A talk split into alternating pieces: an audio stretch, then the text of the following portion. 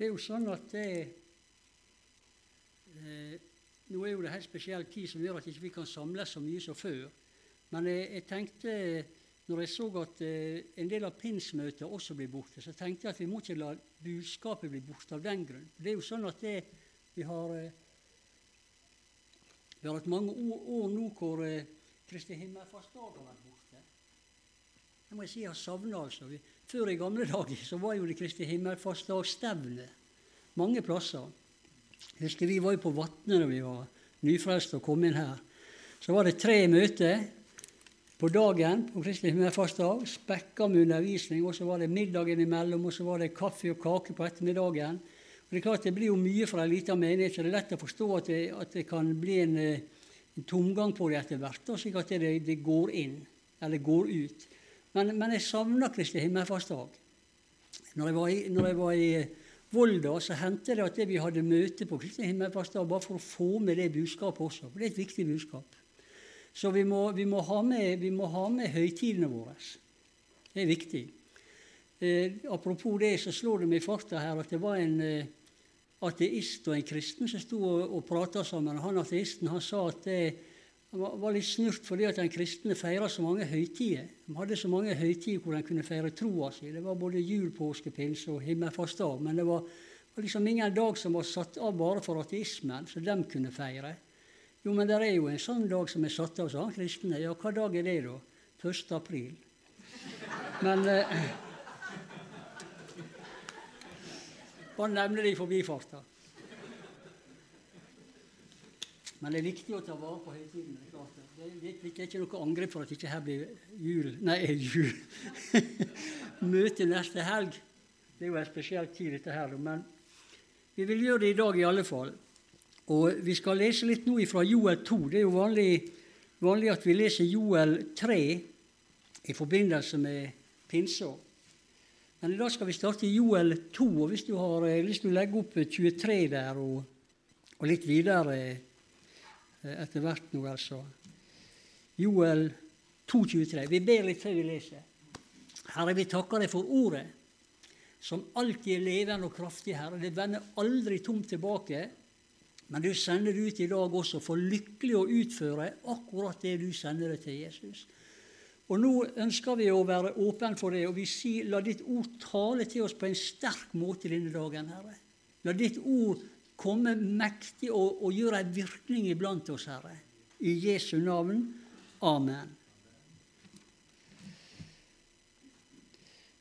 Og dette er jo, eh, dette er jo Joel, da, som blir fylt av den profetiske ånd. Joel er jo en veldig sterk profet, får se veldig, veldig tydelig mange detaljer innover i menighetens tidsalder, særlig begynnelsen og slutten. da. Og her eh, profeterer han til Israel. Sier her 'dere Sions barn'. Det er jo Han profeterer til Israel. og Så ser han noen hundre år inn i fremtida. Så sier han 'fryd og gled dere i Herren deres Gud'. For Han gir dere læreren til rettferdighet. Og det er jo en Jesus-profeti som kom eh, noen hundre år etter dette og lærte oss rettferdighet og rettferdiggjørelse av tro og alene uten lov og gjerning. og alt dette der. Så det skulle komme en ny tid, det skulle komme én spesiell lærer. og Han skulle lære oss om rettferdigheten. Og I oppfyllelsens lys så vet vi at det var ved to alene. Så han kom, men så skulle det komme en ny tid etterpå. Og så sender han regnet over dere.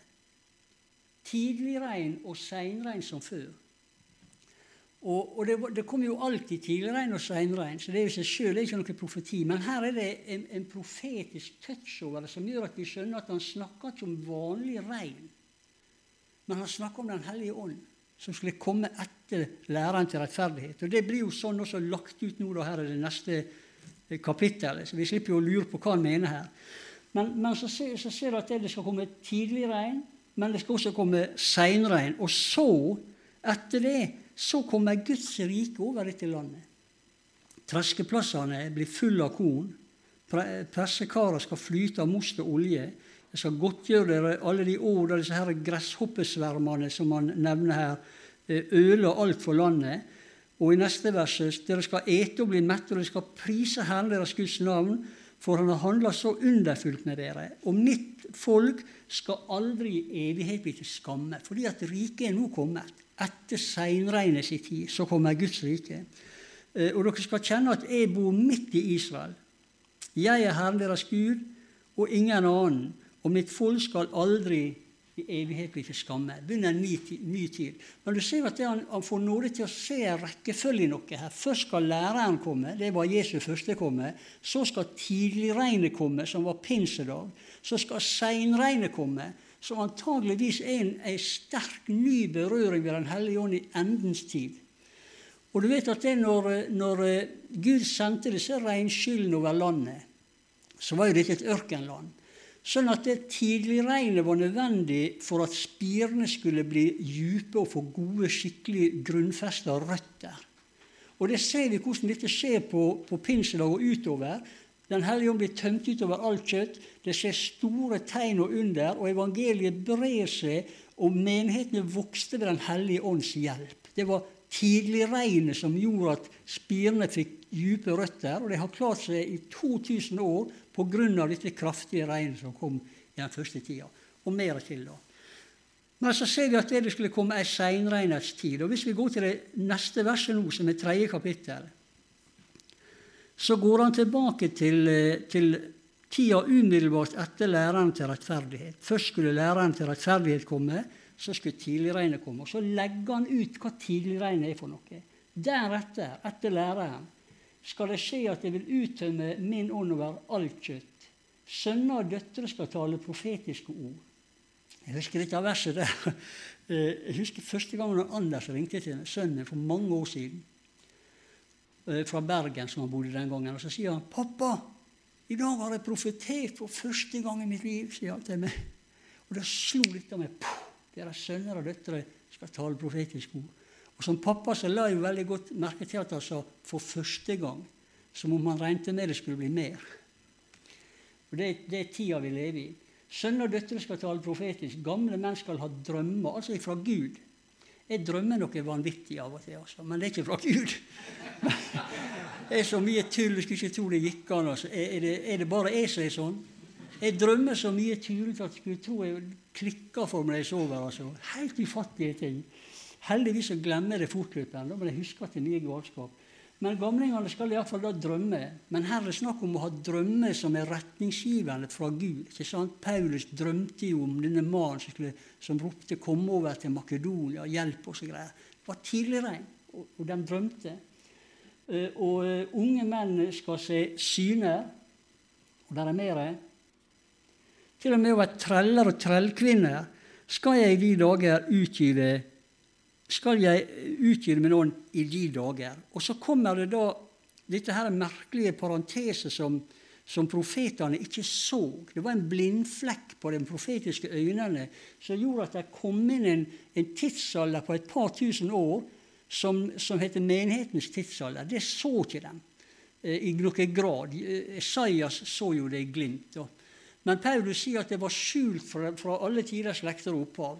Men det, var, det ble åpenbart for de nytestamentlige profetene og apostlene. Så de, de ga oss jo det lyset vi trengte for 2000 år. Men de gammeltestamentlige så ikke mye til det. Så han hoppa rett over 2000 år. Og så går han inn i seinregnet sin tid. Og da står det, skal det bl.a. skje og jeg skal gjøre underfulle tegn på himmelen og på jorda. Nå er han helt inn i enden av denne lange tidsperioden. Det skal komme blod, ild og røyk søyle. Sola skal forvandles til mørke og månen til blod før Herrens dag kommer, den store og forferdelige. Men, men i den tida skal det også være seinregn på jorda. Og denne, her, denne avslutningstida den faller også sammen med at det skal bli en mektig misjonsinnhøstning på jorda. Eh, og, og seinregnet det kom jo for at høsten skulle bli stor. Tidligregnet kom for at røttene skulle bli dype. Så kom denne lange sommeren som kunne ta livet av det meste. Men så kom det en, en høst med et veldig høstregn, og da ble høsten mangfoldig og stor.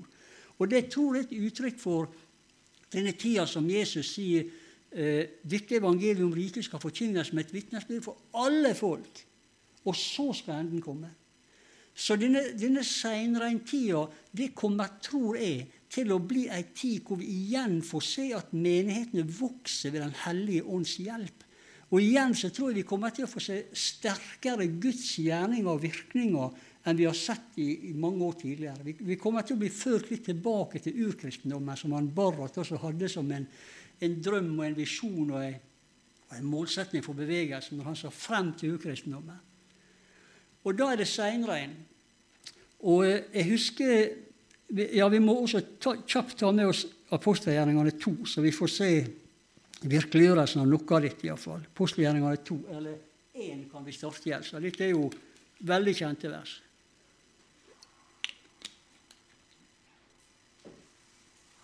Vers 5.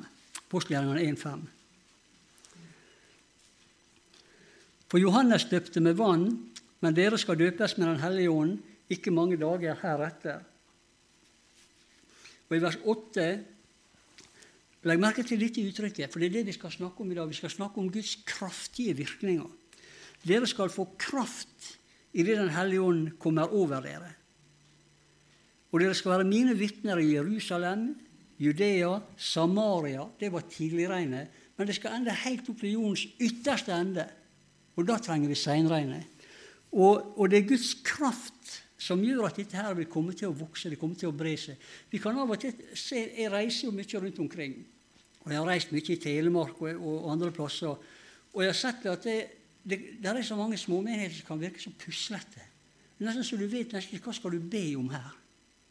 Men hvis disse menighetene berøres av Den hellige ånds kraft, så kommer menighetene igjen til å vokse på en overnaturlig måte som det står ved Den hellige ånds hjelp. Og det vil i praksis si ved Guds kraftige virkninger.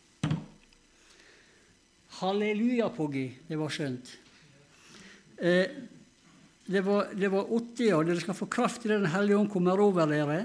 Og dere skal være mine vitner i Jerusalem og helt til ytterste ende. Og så kommer da kapittel to, som er virkeliggjørelsen av tidligregnet. Da pinsefestens dag var kommet, var alle samla på samme sted. Plutselig kom det en lyd fra himmelen, som var et veldig stormvær farer frem. Det fylte hele huset der de satt. Og det viste seg for dem tunger like som av ild, som delte seg og satte seg på hver enkelt av dem. Da ble de alle fylt med Den hellige ånd, og de begynte å tale i andre tunger alt etter som Ånden ga dem å tale. Og så skjer jo dette som vi kjenner det også godt til. Og så i, i vers 16 så må Peter ta ordet og begynne å forklare hva som skjer her. For dette folket som, som hadde Joel i sitt hjerte og, og, og visste, kunne Skriftene. Da sier han dette er det som er sagt ved Joel. Altså dette er oppfyllelsen. Og det skal skje de siste dager, sier Gud. Da skal jeg utgyte min ånd over alt kjød. Sønner og døtre skal tale profetisk, unge menn skal se syner, gamle blant dere skal drømme. Selv over treller og trellkvinner skal jeg de dager utgyte av min ånd, og de skal tale profetiske ord. Og jeg skal gjøre under oppe på himmelen og tegn på jorda, blod, ild, røykskyer. Sola skal forvandles til mørke og månen til blod, før Herrens dag kommer den store og herlige, sier han. Og så kommer da, Nå ser nok ikke Peter det, men Den hellige ånd ser at det kommer en lang periode mellom disse to, der det skal skje at hver den som påkaller Herrens navn, skal bli frelst. Altså denne menighetens tidsalder og tidshusholdning. Og Det er jo det som gjør at vi sitter her i dag. Vi befinner oss i, i mellomrommet der alle skal, som påkaller, skal bli frelst. Jeg, jeg talte om uh, Den hellige ånd her i 2017 og flere, flere, flere søndager utover høsten, tror jeg. Og Da nevnte men jeg har lyst til å ta det igjen likevel innledningsvis her i dag, at når jeg, når jeg som ung, eh, enda ufrelst, men kalt av Gud, begynte å bevege meg fra de lutherske kretsene og inn mot pinser, som vi sa, altså inn på Borgundveien, da var det veldig mange av disse lutherske vennene mine som advarte meg mot å dra inn der. Var, der var det en virkelig ubalanse. Det var, det var, klatring i gardinene, og de slengte seg lysekronene fra galleriet, og det var ikke måte på hvor galne de var. Og, og de preika bare om Den hellige ånd, talte aldri om Jesus. Men jeg, jeg, så jo som det første når jeg kom ned i disse katakombene, at det var jo ikke gardiner. Og det var ikke verken gardiner eller lyskroner heller. Så det var, si det sånn, det var betydelig overdrevet iallfall. Men til min store overraskelse så talte de nesten aldri om Den hellige ånd. Men de talte veldig brennende om Jesus. Og jeg skjønte veldig fort at det er en sammenheng mellom å være fylt av Den hellige ånd og tale brennende om Jesus. For noe av det som Den hellige ånd har som sin hovedoppgave, det er å herliggjøre Jesus. Og Derfor kan du legge merke til, og det sier en bisetning her i dag, at de første kristne ba aldri til Den hellige ånd. Aldri. Men den var i Den hellige ånd. Og det er fordi Den hellige ånd han er ikke her for å, for å ta noe til seg sjøl. Han er her for å få alt over på Jesus. Og du, du kan også se at det er ikke et eneste eksempel i hele Bibelen på at noen ber til Ånden på noe tidspunkt. Og Det er ikke en eneste undervisning om det, verken i Det gamle eller Det nye testamentet. eller noe. Det bare rett og slett fraværende. De ba til Gud, og de priste Jesus. Men han ba aldri til Ånden, men han ba i Den hellige ånd. Det skal vi bare merke oss. Jeg tror Det er, ikke noe vranglære eller noe sånt at vi ber til Den hellige ånd, men det er en usunnhet som har kommet fra amerikanske bøker, og ikke fra Bibelen. Og det er en usunnhet i, teologi som skaper en usunn praksis. Og Vi kan bare vende oss av med det, for det er helt fremmed for Bibelen. Det er ikke noe big deal, men jeg nevner det siden vi taler om, om pinse. Den, den hellige ånd ble aldri bedt til, eller lovprist, eller noe sånt. Og Jeg har snakka med mange om dette og diskutert opp gjennom åra. Og mange sier gjerne da at det, ja, men Gud er jo treenig. Det er jo samme hvem vi ber til. Bare det at Gud var treenig også i Bibelen sine dager. Og den ba aldri til Den hellige ånd allikevel. Så det ligger litt utafor ramma for bibelsk kristendom, for å si det veldig tydelig. Men igjen, jeg har vært pastor i mange år. Det hender at folk ber til Den hellige ånd, og jeg stopper dem selvfølgelig ikke, for det er ikke farlig. Men det er Jesus vi skal putte fokus på, og Den hellige ånd vil på, sette fokus på. Jo mer du blir fylt av Den hellige ånd, i den grad det går an å bli det mer, så vil du få større og større fokus på Jesus, og ikke på Den hellige ånd. Sånn er det bare. Likevel skal vi preke om han, for han, han er både en del av det guddommelige og han er et tema i Bibelen. Så vi skal preke og undervise, som Paulus også gjort, men fokuset vil han alltid sette på Jesus. Og Et bilde som for meg har vært en god illustrasjon på dette bestandig, det er eh, åpenbaringa fire. Der står det et vers om at det foran tronen brant det syv ildfakler, som er de syv Guds ånder som et bilde på syv forskjellige sider og egenskaper ved Den hellige ånd. Krafts- og kjærlighetsånd, mot- og styrkesånd. Det står flere sånne benevnelser som går opp i sju. Men poenget er at disse faklene, da Deres funksjon er jo helt åpenbart å kaste all sitt lys, all sitt skinn, all sin glans på Han som sitter på tronen, og ikke på seg sjøl. Og da blir jo det merkelig å be til faklene når vi skal be til Han som faklene gjør alt de kan for å opplyse. ikke sant? Så dette kan vi bare ha i bakhodet. Det er ikke meninga mi å refse noen, men det, det, må undervises litt om sånt også. Så det ligger altså utafor ei bibelsk ramme å sette fokuset på Ånden. Hans fokus vil alltid være å sette det på Jesus. Men vi skal nå gå til 1. Korinterbrev 12, for vi skal komme til ei side ved Den hellige ånd og Guds verk her nå. I i første Korinterbrev, som også er et, eh, et, eh, kapittel som er kjent og kjært for pinsekarismatikere over hele verden. Og Her står det om Guds kraftige virkninger. Og eh, vi trenger, tror jeg, som aldri før å få øye på Guds storhet. For det er så mye som drar Guds storhet ned i dag. Men vi trenger å få øye på, på Guds kraft, allmakt. Vi trenger å se på Han som kan gjøre det umulige mulig allikevel. Og eh, Dette var veldig sterkt fremtredende i vårregnet. Eh, Guds gjerninger var så mektige, vi skal se på litt på det nå, at menighetene vokste å si, av seg sjøl. Dette av seg sjøl-prinsippet i Bibelen det betyr alltid ved Guds kraft, ved Guds ånd. Og Det er en fare for at vi, vi kan gjøre Gud for liten, særlig i en tid hvor vi er fattige på tegn og under så er det veldig lett å gjøre Gud for liten, men Gud kan aldri gjøres for stor. Og det er helt tydelig at Bibelen gir oss et åpenbaringsbilde av Gud som er veldig stort. Det er det bibelske bildet vi må ha uansett hva tidene gjør eller tilsier. Så 1. Korinter er 12 litt her nå. Ifra vers 1, altså. Når det gjelder de åndelige gavene, brødre, så skal dere ikke være uvitende. Vet, eh, dere vet at den gangen når dere var hedninger, ble dere dradd til disse stumme avgudene, alt etter som dere ble dradd, lokka, dradd med. Derfor så kunngjør jeg at ingen som taler i Guds ånd, kan si 'forbannet er Jesus'. For ingen kan si, eh, og ingen kan si 'Jesus er Herre' uten at det er i Den hellige ånd. Det er forskjell på, på nådegavesida, og han skisserer jo ni stykker her nå etterpå.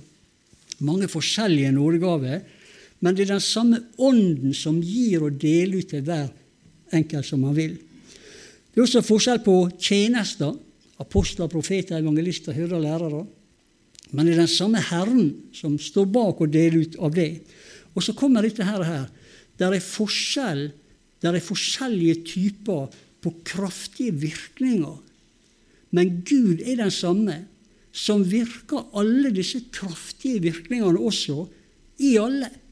Altså, Det er noe i Den hellige ånds eh, kraft i vårt liv som gjør at kraftgjerninger kan skje utover nådegavene, hvis du skjønner. Vi skal se på det. Eh, men Åndens åpenbarelse gis til enhver ettersom det er ganglig. Og Så nevner han da alle disse kjente nigavene, som vi bare hopper over akkurat nå. Og så i vers 11 alt dette virker den ene og samme ånd i det han deler ut til hver enkelt ettersom han vil. Hva er det som menes når det står at det er forskjell på kraftige virkninger, men Gud er den samme? Jo, det ser ut som at det noen ganger så intervenerer Gud i forskjellige situasjoner og gjør kraftgjerninger som på en måte går utapå disse nådegavene, som vi selvfølgelig skal søke men som han kommer inn på en spesiell måte med si kraft i, og så endrer han hele situasjonene, som oftest til at masse folk blir frelst. Og Derfor så tenker jeg at det, også små menigheter ute i distriktet kan oppleve ny vekst ved Den hellige ånds hjelp når han kommer med sine kraftgjerninger. Da kan alt skje, og folk kan bli så forundra. Og hvis, hvis, vi bare kort nå nevner noen av disse kraftgjerningene i Det nye testamentet, så, så vet vi f.eks. at Jesus ved ei anledning metta 5000 mennesker pluss, pluss. For det står at det var foruten kvinner og barn. Så det må ha vært en, en 10 000, kanskje 15 000 mennesker som ble mette av nesten ingen verdens ting. Det er helt umulig. Men Gud gjør det, mulige, det umulige mulig. Og ved en annen anledning, en gang 5000, Seinere så står det i kapittelet bak i Matteus at det var 4000. Og var, der står det også i tillegg var det, var, det, var det, kvinner og barn. Så der var det kanskje også 8 10 12 000 mennesker. Det er helt kolossalt mye mennesker det, som blir mette av ingen verdens ting. To brød og fem fisker.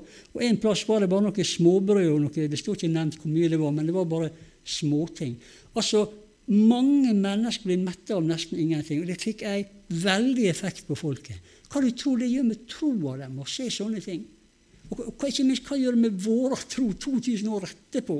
Se sånne ting. Det løfter jo Gud opp. Det gir en åpenbarelse, et gudsbilde av en fantastisk Gud som kan gjøre ting far beyond our reach. Langt utenfor det som vi evner å fatte og forstå. 4000 og 5000 mennesker mette av nesten ingenting. Og Ved en anledning så ble det tolv kurver til overs med for sikkerhets skyld.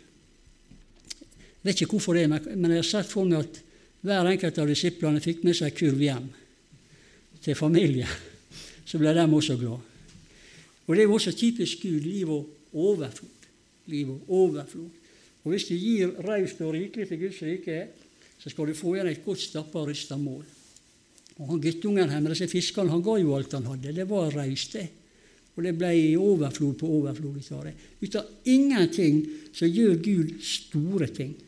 Dette er kraftige virkninger. Og I apostelgjerningene så får vi et eksempel. Det står at det de var samla eh, en god del mennesker var det, og de hadde prist Gud og bedt Gud. og De hadde bedt Gud om å holde forfølgelsen unna. Og de var ferdige å be, så står det at huset rista og skalv der de var samla. På denne måten her. Og da blir de alle fylt med Den hellige ånd, og så farer de ut, og så fortsetter de. Det er ikke noe som heter nådegave til å riste hus. Men det er Guds kraftige virkning som gjorde noe med dem, og som gjorde at menighetene fortsatte å vokse ved Den hellige ånds hjelp. Overnaturlig Guds mektige kraft. Og vi, og vi, vet mange sånne ting. Jesus stiller jo denne veldige stormen, som også er en kraftgjerning. Det er ingen nådegave til å stille stormen heller, men det er kraftgjerning som går utover dem for at Guds rike skal vokse og bli stort.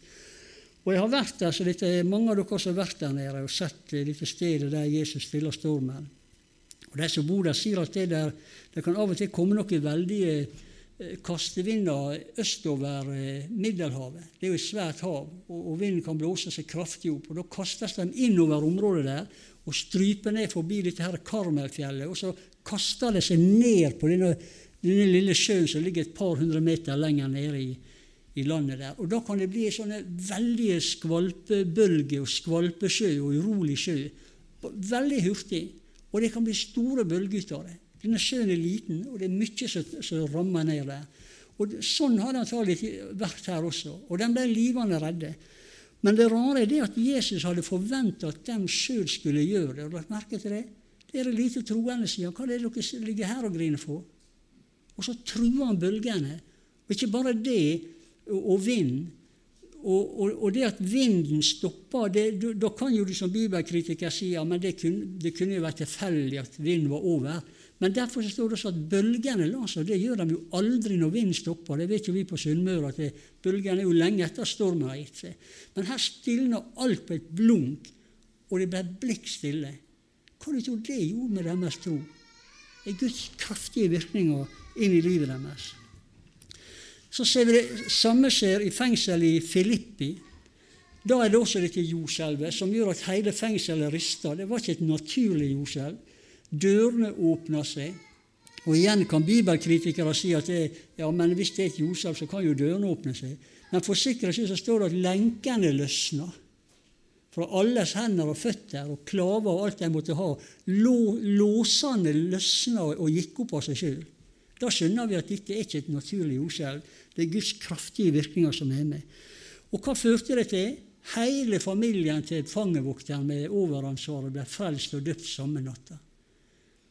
Og hva, hva spredte det seg til? Det vet vi jo ikke.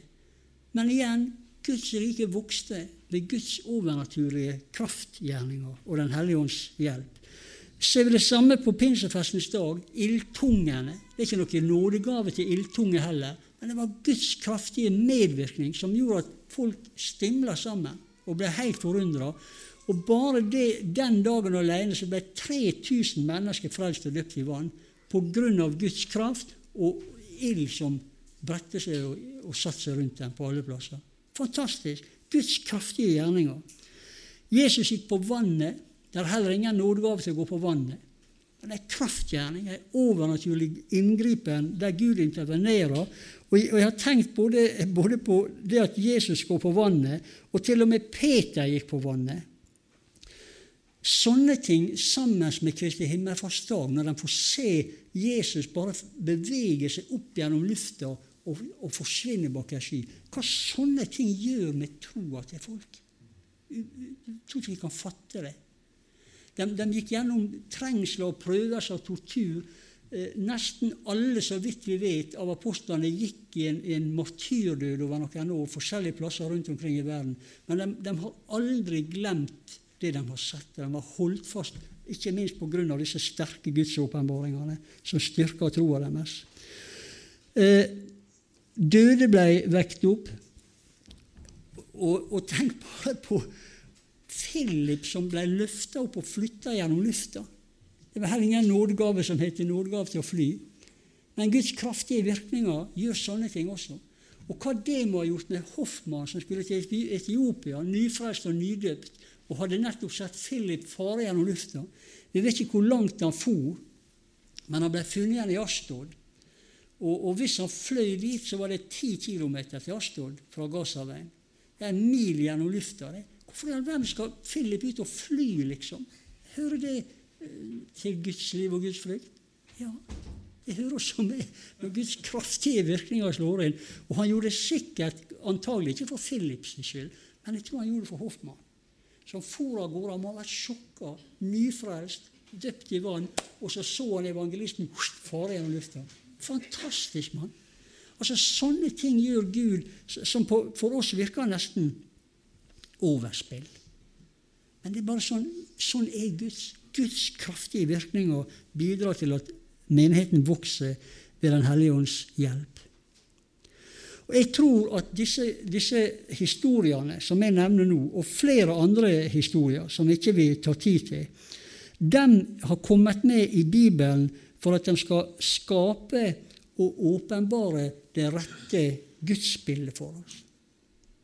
Det rette gudsbildet. Altså, dette er Gud. Så lar vi aldri begrense han i tanken og i tvilen, men lar vi heller løfte han opp der han hører hjemme. Han er, han er mye, mye større enn vi noensinne kan fatte og vi må aldri redusere han. Så har vi forståelse for at det vi kan se sykdom og lidelse Jeg har jo bedt for Birgit i årevis. Jeg tok en gang, bare for, for moro skyld altså Jeg ber jo for Birgit fire ganger hver dag. Og én gang med håndspåleggelse. Jeg har gjort det i årevis, 365 dager i året. Og jeg tok og regna opp her forleden dag at jeg har bedt for Birgit over 19 000 ganger. Halleluja! Men hun har ennå ikke blitt helbreda, og jeg vet ikke om hun blir det heller. Men jeg har sagt til Gud jeg skal be for henne til du enten helbreder henne, eller du tar henne inn i himmelen. Så selv om vi også ser lidelse og nød og fortvilte situasjoner, så må vi aldri dempe det gudsbildet som Bibelen gir oss. Det er den allmektige Gud vi retter oss til. Og det er denne allmektige Gud som gjør at menigheter over hele verden i dag også vokser ved Den hellige ånds hjelp. Og så har jeg lyst til å si at eh, når jeg nevner disse her Guds kraftige virksom, virkningene som vi leser om her i Korinterbrevet, og som vi ser praktisert flere plasser, så er det viktig for oss også å forstå For det er mye bibelkritikk ute og går med. Det er viktig for oss å forstå at disse kraftgjerningene, eh, kraftgjerningene ligger ikke i ytterkanten av kristendommen. Dette er hjertet av kristendommen. Dette er ikke ute i det ekstreme og ute i randsona der pinsevenner og, og, og, merkelige sekter oppholder seg. Dette finner du midt i hjertet av kristendommen. Det er dette som gjør kristendommen levende og sterk, og som gjør at den brer seg over hele verden. Det er Guds kraftige virkninger. Det som er periferien, det er menigheter som er helt døde. Det er som knapt nok forkynner gudsbildet. Det er ute i periferien av kristendommen. Men dette er midt i hjertet av kristendommen. Der skulle dere stått på stolene og sagt Takk og lov! Men nå gjorde jeg det, så er det meg gjort. Men, men, det er sånn det er. Dette er ikke i det perifere, dette er ikke i det ekstreme. Dette er midt i Bibelen, og midt i Det nye testamentet, og midt i hjertet. Og hvis du går, Elsa, Vi har tre skriftvers til her nå. Markus 16, 17. Så slipper jeg å, å bla det frem. Markus 16, 17. Fatter ikke hvor du klarer det så kjapt. Jeg rakk ikke å snu meg engang så hadde du fått det opp. Men se på dette, da. Og Det er derfor jeg sier dette er midt i hjertet av kristendommen. Disse tegnene skal jo følge de som tror. Og det er uten tidsbegrensning. Det er ikke sånn at det skal skje i en periode, sånn som jeg lærte av prestene mine i kirka. Det var bare stillasverk. I dag er ikke det noen ting. Ingen sånne begrensninger. Disse tegnene skal følge den som tror. Det vil si, så lenge her er troende. I mitt navn skal de drive ut onde ånder. De skal tale med tunger skal ta slanger i hendene. Om de drikker dødelig gift, skal det ikke skade dem. Det er heller ikke noen nådegave til å drikke dødelig gift, men det er Guds kraftige virkninger som kan gjøre under i det òg. Og de skal legge hendene på syke, og de skal bli helbreda. Og hvis du også tar med, eh, Elsa, fra Hebreabrevet 2,4, så får du en liten sånn oppsummering av dette her. Nå ser Hebreabrevet sin forfatter tilbake på den første tida. Og Gud selv vitner med, både med tegn og under og mange slags kraftige gjerninger, og ved å gi Den hellige ånd etter sin vilje. Akkurat sånn som Paulus beskriver det. Han deler ut av Den hellige ånd ettersom han sjøl vil. Og Efeserne 1,14 Skal vi se 1,17 til 19 Nei. Efeserne 1,17 til 20. Skal vi slutte med det? Se på dette her. Paulus som ber for menigheten. Jeg ber om at vår Herre Jesu Kristi Gud, herlighetens Far, må gi dere visdom og åpenbaringsånd. Det er derfor jeg sier at det, dette bildet av Gud det er et åpenbart gudsbilde i Bibelen. Det er ikke noe vi finner på. Vi siterer Skriftene. åpenbaringsånd til kunnskap om seg sjøl. Til og med 20. Og gir deres hjerte opplyste øyne, hjerte, så dere kan forstå hva slags håp han har kalt dere til, og hvor rik på herlighet hans arv er blant de hellige. Og hvor overveldende stor hans makt er for oss som tror. Etter virksomheten her kommer det av hans veldige kraft. Det er dette som eh, eh, Korinterbrevet kaller eh, kraftige virkninger. Virksomheten av hans veldige kraft var denne han viste på Kristus når han røyste han opp fra de døde og satt der med sin høyre hånd i himmelen. Der ser du igjen hva betydning det må ha hatt når de så han fare opp til himmelen. Og du har ett vers til. Over all makt og myndighet, over alt velde, over herredømme og herredømme over ethvert navn som nevnes, ikke bare i denne verden, men også i den som kommer.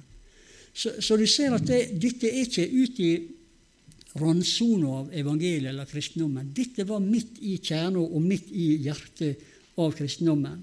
Og så skal du merke det helt til slutt her, at det er når Jesus taler om Den hellige ånd, før han har kommet, så, så omtaler han ikke Ånden som, som, som, den eller hun, sånn som vi gjerne ville gjort eh, språklig. Vi, vi, kan snakke om ei ånd som hun. ikke sant? Og det er noen språk så kan det brukes i intet kjønn. Men når han legger ut om Den hellige ånd som skal komme, så omtaler han Ånden som Han. Og Nå siterer jeg fra et leksikon her. og Han bruker da, eh, han omtaler Ånden med et poengtert hannkjønnspronomen som heter ekeinos. En nesten eikenos. Men jeg tror det er tilfeldig. Eh, ekeinos. For han sier 'når Han kommer'. Så Jesus bruker hannkjønn tross i at det greske ordet for ånd opprinnelig er et upersonlig intetkjønn. Slik lærer vi at Ånden er en person. Og Det er også noe av det som er midt i kjernen av kristendommen. Den hellige ånd er en person som er til stede i det usynlige, og han vil av hele sitt hjerte herliggjøre Jesus. Fantastisk. Eh, I dag skal vi be litt. Og eh, vi skal, jo ikke be for hverandre, og sånt, som vi har kunnet gjort tidligere med håndspåleggelse, for vi må følge disse her forsiktighetsreglene. Men vi kan, be, vi kan stå opp. Og så har jeg fått for meg både på fredag og i går når jeg forberedte meg litt på dette, at vi skal be for Elim i dag. Skal vi gjøre det? Eh, vi skal be til Gud om at vi skal få oppleve ei ny tid på Elim. Fordi at det, Hvis Gud intervenerer i denne seinreinstida som vi er i nå, så kan sto, så store og forunderlige ting skje selv på sånn lille Elim at folk vil komme hit bare og lure på hva som skjer. Sånn vokste menighetene ved Den hellige ånds hjelp tidligere, og selvfølgelig kan det skje på nytt. Så hvis, hvis dere syns det er greit, så ber vi litt for Elim i dag. Setter Elim litt i fokus når vi ber. Ber om en ny tid for Elim. Her kan komme nye barn, her kan komme nye ungdommer, her kan komme nye voksne. Det kan bli en ny tid på Elim hvis Den hellige ånd vil komme og hjelpe med veksten. Da kan det vokse utover det vi skjønner og fatter. Vi ber. Herre, vi takker deg for at vi får leve i denne fantastiske boka, Herre. Og at vi får leve i dette fantastiske ordet som er levende og kraftig, Herre. Og du sender det ut, og det berører oss, Herre. Og i dag så har vi lyst til å be for Elim Jesus. Nå ber vi om at Elim sin historie og fortid skal få være historie og fortid. Og så ber vi kom med noe nytt, Jesus. Du som gjør alle ting nye, Herre. Du som utgyter din ånd, Herre, du som skaper tegn og under langt utover det som vi kan forstå. Vi ber, kom til Elim, Herre, og gjør noe nytt på dette stedet. Vi ber om at vi skal få se flere barn komme. Vi ber at vi skal få se ungdom komme, Herre. Vi ber om at du skal fornye menigheten. Vi ber at du skal fornye lederskapet, Herre. Vi ber at du skal fornye forkynnelsen. Og vi ber om at vi skal få kjenne at vi er inne i denne seilreistida, Herre, der ditt ord skal ut til alle folk, også her i Flisnes-området. Og vi ber, Far, at du kommer og berører Elim sterkt ved din ånd, Herre, i Jesu navn. Hvis det er flere som vil be, så bare heng på. Halleluja, Jesus. Halleluja. Halleluja.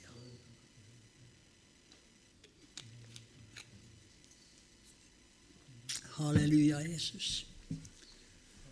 Halleluja, Jesus. Halleluja, Jesus. Halleluja, Jesus. Herre, vi priser deg for at du er underets Gud, Herre. Og underets tid er ikke over, Jesus. Tvert imot så kan vi forvente mer i fremtida enn i fortida, Herre. Og vi ber om at vi skal få se dine verk gå frem på nytt, Jesus. Vi ber om at du skal gripe inn med kraftige virkninger, med nådegave, Herre. Vi ber om at ditt verk bare skal vokse på dette stedet. Og vi ber om at du skal overraske oss med det du gjør, Jesus. Kom med en kraftfornyelse over dette stedet i Jesu navn. Amen. Halleluja. Halleluja. Halleluja. Halleluja.